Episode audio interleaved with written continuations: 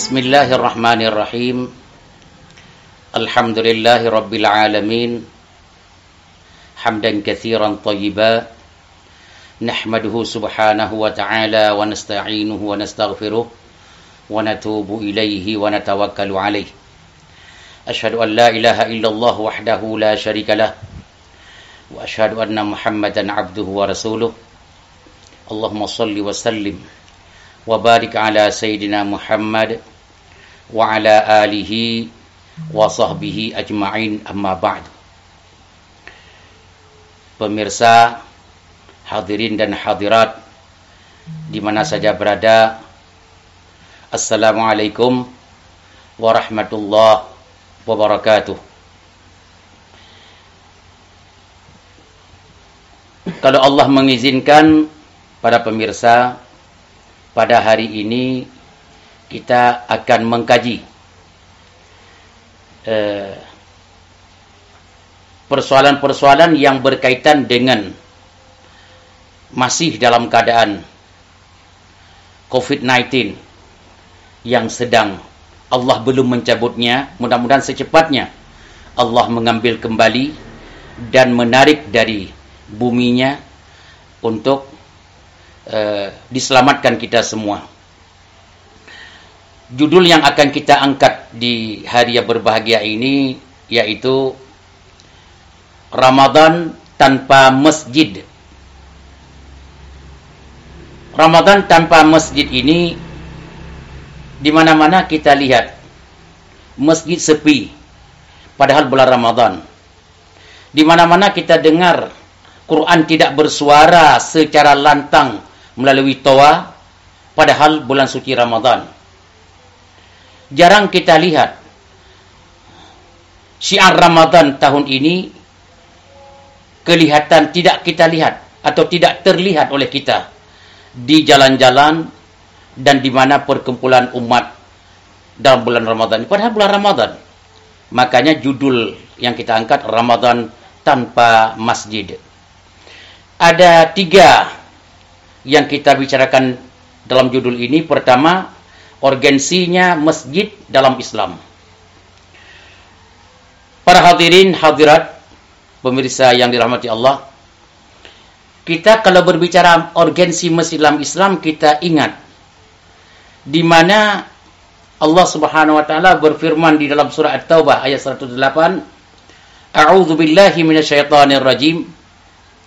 La masjidun ussisa 'ala taqwa. Masjid itu dibangun untuk takwa kepada Allah Subhanahu wa taala.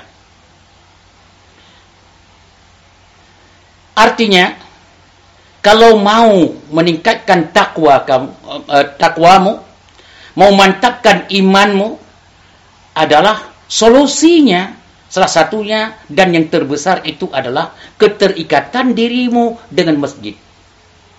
Itu kalau kita melihat urgensinya masjid dalam Islam. Dan makanya dalam ujung ayat itu rijalun yuhibbuna ayyatatahharu. Karena masjid itu ditafsirkan oleh Al-Hasan at-tatahhur aniz dzunub bitaubah. Jadi kita masuk masjid itu bertaubat kepada Allah dari segala dosa. Itu fungsi fungsi masjid. Luar biasa. Kemudian dalam hadis riwayat Ibnu Khuzaimah, hadis ini sahih ya. Membana masjidan banallahu lahu baitan fil jannah. Siapa yang membangun sebuah masjid ya. Orang yang membangun masjid bukan beribadah, membangun saja banallahu lahu baitan fil jannah, dia mendapat rumah khusus dibangun oleh Allah dalam surga. Pertanda masjid itu luar biasa. Ini baru pembangunannya, belum baru sumbangan untuk membangunnya, belum kita beribadah di dalamnya. Fungsi masjid luar biasa. Dalam riwayat Ibnu Khuzaimah yang lain disebutkan, siapa yang membangun masjid meskipun sebesar kandang kucing atau lebih bes, lebih kecil lebih kecil lagi dari kandang kucing kecil dibangun tapi pahalanya tetap banallahu fil jannah. Allah membangun rumahnya dalam surga seperti dia membangun rumah Allah. Begitu hebatnya urgensinya, urgensinya masjid di dalam pandangan Islam dan pandangan agama. Kemudian dan saking hebatnya masjid, orang masuk masjid itu tidak sembarangan masuk, begitu masuk langsung duduk, ngobrol tidak. Coba kita melihat dalam riwayat Imam Bukhari rahimahullah. Anna Rasulullah sallallahu alaihi wasallam qala idza dakhala ahadukum al masjida falyarka' rak'ataini qabla ayajlis uh, Rasulullah sallallahu alaihi wasallam menyatakan dalam hadisnya apabila kalian masuk sebuah masjid falyarka' Jangan duduk. Langsung. Tapi salat dulu dua rakaat sebelum Anda duduk. Kenapa? Saking hebatnya masjid itu. Saking mulianya masjid itu. Sehingga ada kalimat tahiyyatul masjid. Adalah salat dua rakaat untuk tahiyyatul masjid. Penghormatan terhadap masjid. Saking hebatnya masjid. Itu kalau melihat ke situ. Kalau begitu, apa yang ngambil kesimpulan? Masjid itu adalah rumah Allah, sebuah bangunan yang sangat terhormat dalam Islam dan sangat cocok untuk masuk dan untuk bertaubat kepada Allah untuk penghapusan dosa dan sebagainya. Masjid luar biasa tempatnya. Itu urgensi masjid. Tapi sayang, dengan kondisi seperti sekarang, jangankan Anda, saya sendiri sudah terbatas sekali masuk ke masjid. Karena kenapa? Dan kalau rame-rame di masjid, berkumpul rame-rame seperti saya sampaikan kemarin-kemarin, akan penularan virus itu semakin cepat. Tapi kalau masuk masjid cuma dua tiga orang, itu nggak ada masalah. Maka masjid saya usulkan tidak boleh ditutup, tapi tetap dibatasi keramaian. Itu saja dan tidak boleh ada kumpul-kumpul untuk meskipun untuk melakukan persoalan-persoalan wajib karena kewajiban bisa dilakukan di bukan masjid juga. Eh, adapun salat Jumat itu sudah saya bicara, kita bicarakan eh, eh, kemarin kemarin. Kemudian sekarang pertanyaan bagaimana kita menghidupkan bulan suci Ramadan ini di luar masjid? Saya ulang, bagaimana kita menghidupkan bulan suci Ramadan ini di luar masjid. Para pemirsa yang dirahmati Allah Subhanahu wa taala. Melakukan ritual Ramadan itu dengan harus dengan penuh iman. Melakukan Ramadan itu harus serius dalam mencari redha Allah Subhanahu wa taala. Lihat hadis riwayat Imam Bukhari dari Abi Hurairah radhiyallahu an man sama Ramadan. Imanan wahtisaban ghufira lahu ma taqaddama min dhanbi. Hadis riwayat Imam Bukhari. Siapa yang berpuasa man siapa yang berpuasa di bulan Ramadan? Tentunya di siangnya, nggak mungkin dong puasa malam. Tapi puasa yang dia lakukan di bulan Ramadan itu imanan penuh dengan keimanan semata-mata dia karena iman kepada Allah Subhanahu wa taala. Wahtisaban dan dia karena mencari ridhanya. Karena Allah dia melakukannya, mengharap pahala dari Allah, mengharapkan balasan yang baik dari Allah Subhanahu wa taala dengan puasanya. Kalau itu dia lakukan puasa penuh iman dan mengharap pahala dari Allah karena Allah, ghufira lahu ma taqaddama min dzambih dosa yang pernah dia lakukan. Dari kapan pun sampai kapan pun Allah ampuni semuanya. Karena puasa tadi dilakukan dengan penuh keimanan puasa itu dilakukan dengan penuh ihtisaban. Ihtisaban itu adalah mengharap pahala dari Allah Subhanahu wa taala. Di riwayat yang lain man qama siapa yang melaksanakan salat malam di bulan Ramadan imanan juga. Wahtisaban. Penuh keimanan. Penuh keimanan dan penuh eh, harapan pahala dari Allah. Juga orang itu diampuni dosa oleh Allah. Dosa sebesar apa pun dan di mana pun apa pun yang dia lakukan. Uh, saudara saudari yang dirahmati Allah. Di sini kita ngambil pemahaman dalam hadis ini. Dua-dua hadis ini riwayat Imam Bukhari dan yang lainnya. Barang siapa melaksanakan puasa Ramadan di siang hari dan menghidupkan malam Ramadan itu dengan qiyamul lail. Ingat kalimat. Dengan qiyamul lail, siang dia berpuasa, malam dia qiyamul lail. Karena kenapa dia lakukan? Karena benar-benar beriman kepada Allah dan karena benar-benar mencari ridha Allah Subhanahu wa taala. Maka orang itu pasti akan mendapat pengampunan Allah dan kunci surga dengan mudah Allah serahkan kepadanya. Allahu Akbar. Kalau begitu, dalam melakukan perintah Allah itu penuh dengan keikhlasan. Kita contohkan untuk hari ini, untuk kesempatan ini, contoh kecil ikhlas dalam berwudu ikhlas dalam berwudu. Ini ikhlas yang paling kecil dan setiap hari kita melakukan wudu. Sayyidina Utsman ibni Affan, hadis ini riwayat Bukhari. Sayyidina Utsman ibni Affan radhiyallahu anhu mencoba meminta temannya untuk air wudu. Kemudian begitu dihadirkan air wudu kepada beliau, fa'afraga ala yadaihi min ina'in beliau ambil uh, uh, ember itu istilah kita sekarang dicuci tangannya tiga kali salah samarat setelah beliau cuci tangan tiga kali kemudian ada khalayaminahu tangan kanannya itu dimasukkan dalam air tadi. Bukan air tadi dibawa karena sudah bersih. Tangannya. Tangan ini dijadikan sebagai alat pengambil air. Kemudian beliau tamaz-maza berkumur-kumur. Ke beliau beliau kemudian mencuci hidung beliau. Kemudian beliau mencuci uh, muka tiga kali. Kemudian tangannya kanan dulu tiga kali sampai siku. Nah, sampai siku. Perhatikan dalam dalam berudu. Sampai siku kalau tidak kena siku tidak sah wudu. Kemudian beliau dua kiri dan kanan beliau lakukan tiga tiga kali. Kemudian mencuci kaki beliau tiga kali.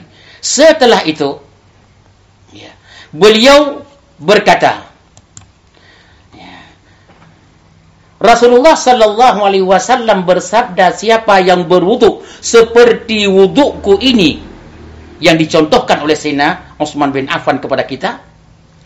Summa kemudian kata Rasulullah Salla ini Setelah berwudu dengan benar Dengan baik Tidak ada cacat wudunya Sesuai dengan hukum dan peraturannya. Ke, Kemudian beliau Salat dua rakaat. Ingat dua rakaat. Kalau istilah kita salat wudu Sunat wudu La yuhaddithu fihi ma nafsuh. Ingat salat yang dilakukan dua rakaat itu hatinya terikat dengan Allah, tidak ke mana-mana pikirannya. Betul-betul karena Allah. Ah, orang yang seperti itu dengan wudhunya saja, hanya setelah wudhu dia lakukan salat dua rakaat, ghufira lahu ma taqaddama min dzambi aw ghafarallahu lahu ma taqaddama min dzambi. Allah mengampuni dosanya. Kalau begitu untuk pengampunan dosa mudah saudara-saudara sekalian. Mudah pengampunan dosa. Jangan jangan riskan. Tidak boleh kita apa uh, uh, risau, tidak boleh gundah, tidak boleh gelisah. Dosa, tidak ada manusia yang tidak ada dosa. Begitu dosa kita lakukan, langsung nggak ada masalah. Asal jangan sengaja melakukannya. Yang namanya manusia tidak luput daripada dosa. Setelah itu kita berwudu yang benar, wudu yang betul, sesuai dengan peraturan, jangan asal-asalan, kemudian sholat dua rakaat dengan penuh khusyuk tanpa ke mana-mana pemikiran dalam dua rakaat itu, ya Allah akan ampuni dosa kita tanpa ada persoalan sedikit pun kita dengan Allah terhadap dosa yang kita lakukan. Subhanallah, Allah Akbar. Kemudian, nah, di sini maknanya kita kesimpulan dalam hadis itu, sebelum kita berwudu dianjurkan mencuci dua tangan dulu. Sudah. Tangan yang sudah kita cuci tadi bersih, langsung boleh kita masukkan dalam ember dengan tangan. Ember yang ada air itu tidak ada kotor lagi. Bisa jadikan air wudhu lagi sebagai pengganti gayung istilah kita, pengganti apa? Uh, uh, pengambilan air istilah kita. Kalau dulu ada timba, ada gayung, ada apa. Sekarang pakai tangan aja karena tangan sudah bersih. Itu yang kedua. Yang ketiga, hadis itu menganjuran berwudu yang benar. Tidak asal-asalan. Rata-rata maaf jangan tersinggung kita berwudu hanya siku kadang-kadang tidak kena. Kemudian kena siku, kemudian ujung tangan enggak habis kena. Mungkin bisa dua tangan, mungkin yang tidak bagus cuci kepala. Kadang-kadang dahinya yang kita kasih air. Bukan dahi, kepalanya yang kita usap. Bukan dahi, bukan jidat. Ika kemudian yang keempat, solat sunat penuh khusyuk setelah wudhu. Biasanya setelah berwudhu kita usahakan solat sunat dua rakaat, sunat berwudhu. Kemudian yang kelima, wudhu yang benar. Ingat kalimat, ini poin penting. Wudhu yang benar. Dan salat dua rakaat setelah wudhu. Yang ikhlas, penuh ikhlas hadiahnya adalah pengampunan Allah Subhanahu wa taala dari dosa-dosa yang pernah kita lakukan. Allahu akbar. Mudah-mudahan yang mendengar dan yang berbicara ini akan diampuni dosa oleh Allah Subhanahu wa taala dengan berkah bulan suci Ramadan, dengan berkah bulan yang kita damba-dambakan mendapat ridha Allah Subhanahu wa taala. Kemudian uh, para hadirin uh, ada enggak Ustaz? Nah ini kalau kalau ingin bertanya, ada enggak Ustaz? Sesuatu yang tidak khusyuk dalam beribadah. Soal orang tidak khusyuk itu bagaimana? Kebetulan uh, saya pernah membaca uh, syarah Sahih Bukhari li Ibni Battal. Di situ disebutkan dalam syarah Sahih Bukhari, Abu Hanifah itu didatangi oleh seseorang Kat wada'a malahu fi makanin orang itu persoalan dalam hidupnya pernah dia taruh sesuatu harta bendanya di satu tempat. Kemudian dia pergi dua tahun menjauh. Biasalah kalau kita mau ke mana, eh, emas kita atau uang dolar kita kita masuk di suatu di bawah kursi atau di bawah dapur atau dalam beras. Tiba-tiba yang namanya kita menghindari dari kemalingan, dua tahun dia menghilang dari rumahnya. Tiba-tiba pulang mencari harta tadi, lah hartaku di mana? Lupa ya dua tahun karena terlalu berat ngumpetnya, menyembunyikannya, tidak ingat lagi. Biasa, kalau ibu-ibu, ya biasalah, ibu-ibu kalau dikasih uang banyak oleh bapaknya untuk di, di bawah karpet, akhirnya cari puyeng. Dua tahun kemudian sudah menyatu dengan dengan lantai uang itu, sudah melengket dengan lantai. Akhirnya tidak bisa dipakai lagi. Ah, Orang itu bagaimana? Fadzakara dzalika li Abi Hanifah tabarrukan bi Untuk karena Abu Hanifah adalah berkah dalam ber, apa? dalam ilmunya, dia datang Abu Hanifah. Ya Abu Hanifah. Begini, begini, begini dia ceritakan tentang persoalannya. Ah, apa kata Abu Hanifah? Hai. Tawadda. Hadhihi malam ini kamu berwudu. Wudu yang benar, wasalli dan lakukan salat. Terus wa akhlis niyyah fi salatika lillah. Tapi ingat salat yang kamu lakukan dua rakaat itu niatnya ikhlas, ikhlas, ikhlas karena Allah Subhanahu wa taala dan tidak boleh hatimu itu ada apa-apa dengan dunia. Putuskan duniamu kecuali dengan Allah selama dua rakaat. Allahu akbar. Ini nasihat Abu Hanifah. Fa fa'ala dia pun melakukannya. Wajtahada dan berusaha semaksimal mungkin untuk mengikuti uh, perintah dan khusyuk dipasang kuda-kuda. Untuk khusyuk dipasang kuda-kuda. Khusyuk sekali. Eh, pada saat khusyuk itu apakah setan akan tinggal diam? Akan tinggal diam setan? Loh, tidak. Setan fajahu syaitan fadzakarahu bimaudhi'il mal. Datang setan mendekati kupingnya, eh eh eh, hartamu yang hilang itu itu di bawah karpet di sana di kamar mandi. Umpamanya, tiba-tiba setelah salat langsung dia belum selesai assalamualaikum assalamualaikum. Langsung masuk ke tempat yang dikatakan oleh setan tadi. Dia buka pas ada hartanya yang tadinya hilang. Dia dapat Pada saat itu, besok pagi dia datang sama Abu Hanifah. Al Assalamualaikum Abu Hanifah. Luar biasa. Terima kasih. Jazakallahu khair. Luar biasa dipuji-puji Abu Hanifah. Dia ceritakan, Alhamdulillah sudah saya dapat uangnya. Kapan? Dalam salatku terbayang tadi uang saya. Dalam salat itu terbayang di sana uangku. Di sana hartaku. Apa kata Abi Hanifah bangga enggak karena uh, uh, sudah memecahkan persoalan umat, sudah menyelesaikan, sudah memberikan sesuatu yang terbaik untuk umat? Enggak. Langsung Abu Hanifah mengatakan, "Hei, inna syaitan, syaitan itu yushghiluka fi salatik lillahi ta'ala." Syaitan selalu berusaha untuk membuat Anda tidak ikhlas dalam salat. Akhirnya disampaikan barang yang hilang itu dalam salatmu. Dia usahakan kamu jangan ikhlas, uh, jangan jangan jangan khusyuk dalam salat. Kalau orang khusyuk dalam salat tidak ingat harta yang yang yang yang hilang. Ah, di sini kita kesimpulan bahwa kita bapak-bapak, ibu-ibu yang mendengar ini sering hilang kunci rumah ke mana ke mana ke mana. Tiba-tiba di salat zuhur ingat oh di situ. Ah berarti anda tidak ikhlas dan tidak khusyuk dalam salat. Tanda-tanda tidak khusyuk dalam salat semua persoalan yang kita ingin cari tidak dapat. Begitu kita dapat dalam salat itu pertanda anda tidak khusyuk dalam salat. Usahakan camkan kalimat saya itu.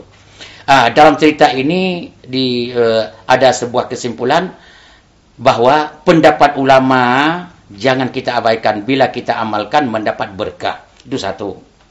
Makanya pendapat MUI sekarang dalam COVID-19 ini itu amalkan berkah insya-Allah. Itu sesuai dengan uh, uh, apa uh, teori Abu Hanifah. Yang kedua, doa ulama itu memiliki banyak kelebihan loh.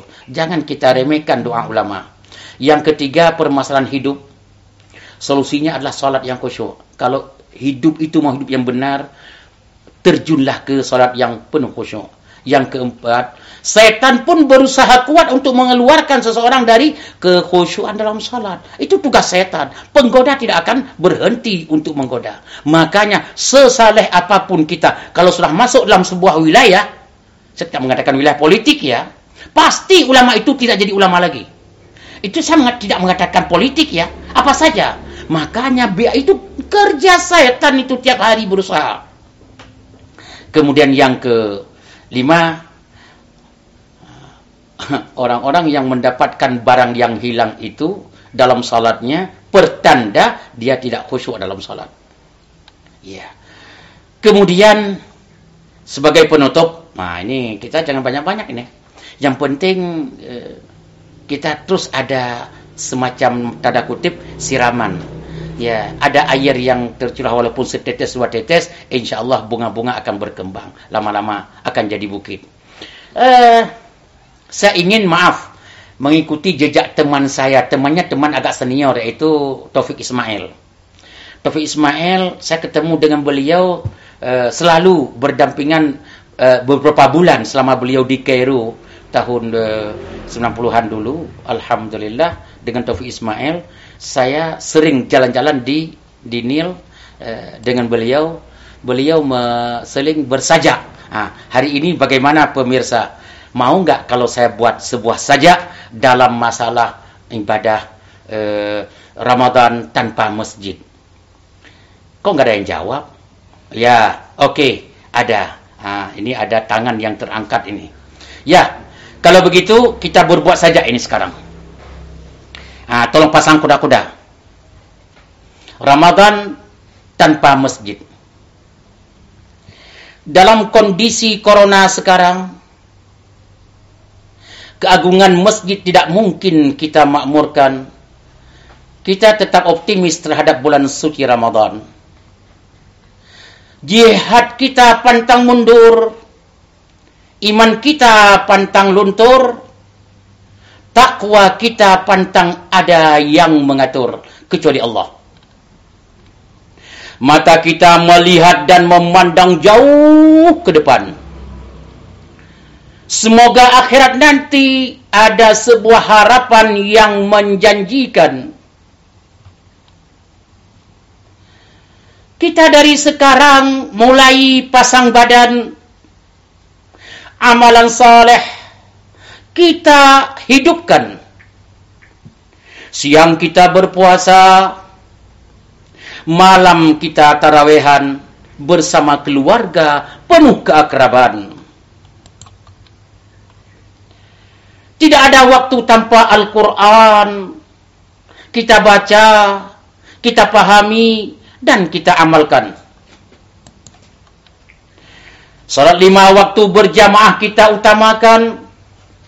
Ayah, anak laki-laki atau suami pasti jadi imam. Sang istri, anak-anak, cucu-cucu ikut makmuman. Betapa indahnya rumah tangga orang-orang yang beriman. Sunat qabliyah, sunat ba'diyah tidak pernah kita tinggalkan. Infak sedekah pun selalu diprioritaskan dalam bentuk uang atau makanan, dalam bentuk minuman atau pakaian. Menggapai pahala dalam bulan Ramadan merupakan idaman orang beriman Semoga Allah Subhanahu wa taala Maha Penyayang memberikan kita hidup ini tenang. Khusus dalam kondisi wabah sekarang, amalan kebaikan selalu kita perbanyakkan. Dunia selamat yang kita harapkan, akhirat dapat syurga, sebuah kemenangan. Amin. Amin. Allahumma amin.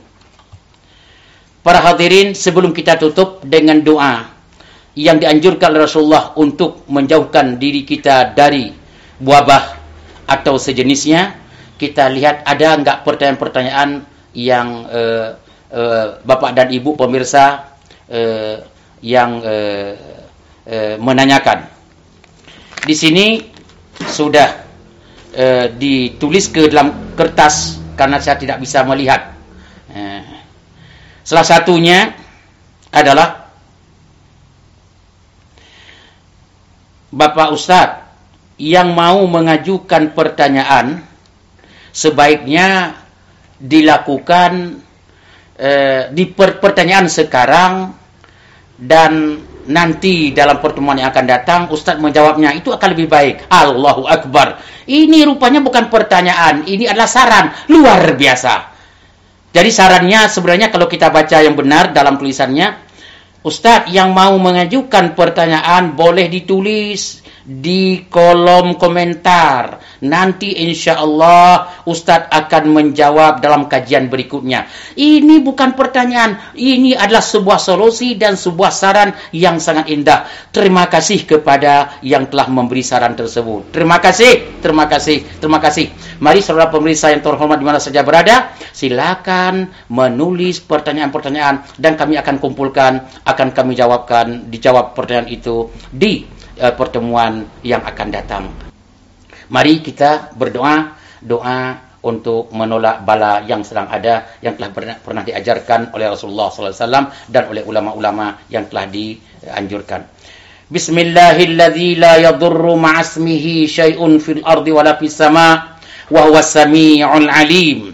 Rabbana kshif 'anna al-'adzab inna mu'minun. Rabbana kshif 'anna al-'adzab inna mu'minun. ربنا اكشف عنا العذاب إنا مؤمنون.